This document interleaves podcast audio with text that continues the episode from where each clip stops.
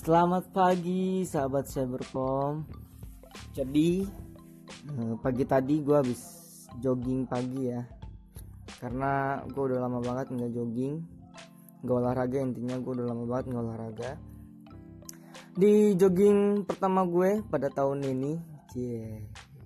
Sumpah gue di tahun 2011 2018 ini baru pertama lagi yang namanya jogging jogging pagi hari karena gue di pagi harinya itu kebanyakan kalau di weekend ini dihabiskan dengan tidur lah ya. Karena tiap harinya gue kerja dari pagi sampai sore malam tidur dan seterusnya. Bosan banget ya hidup gue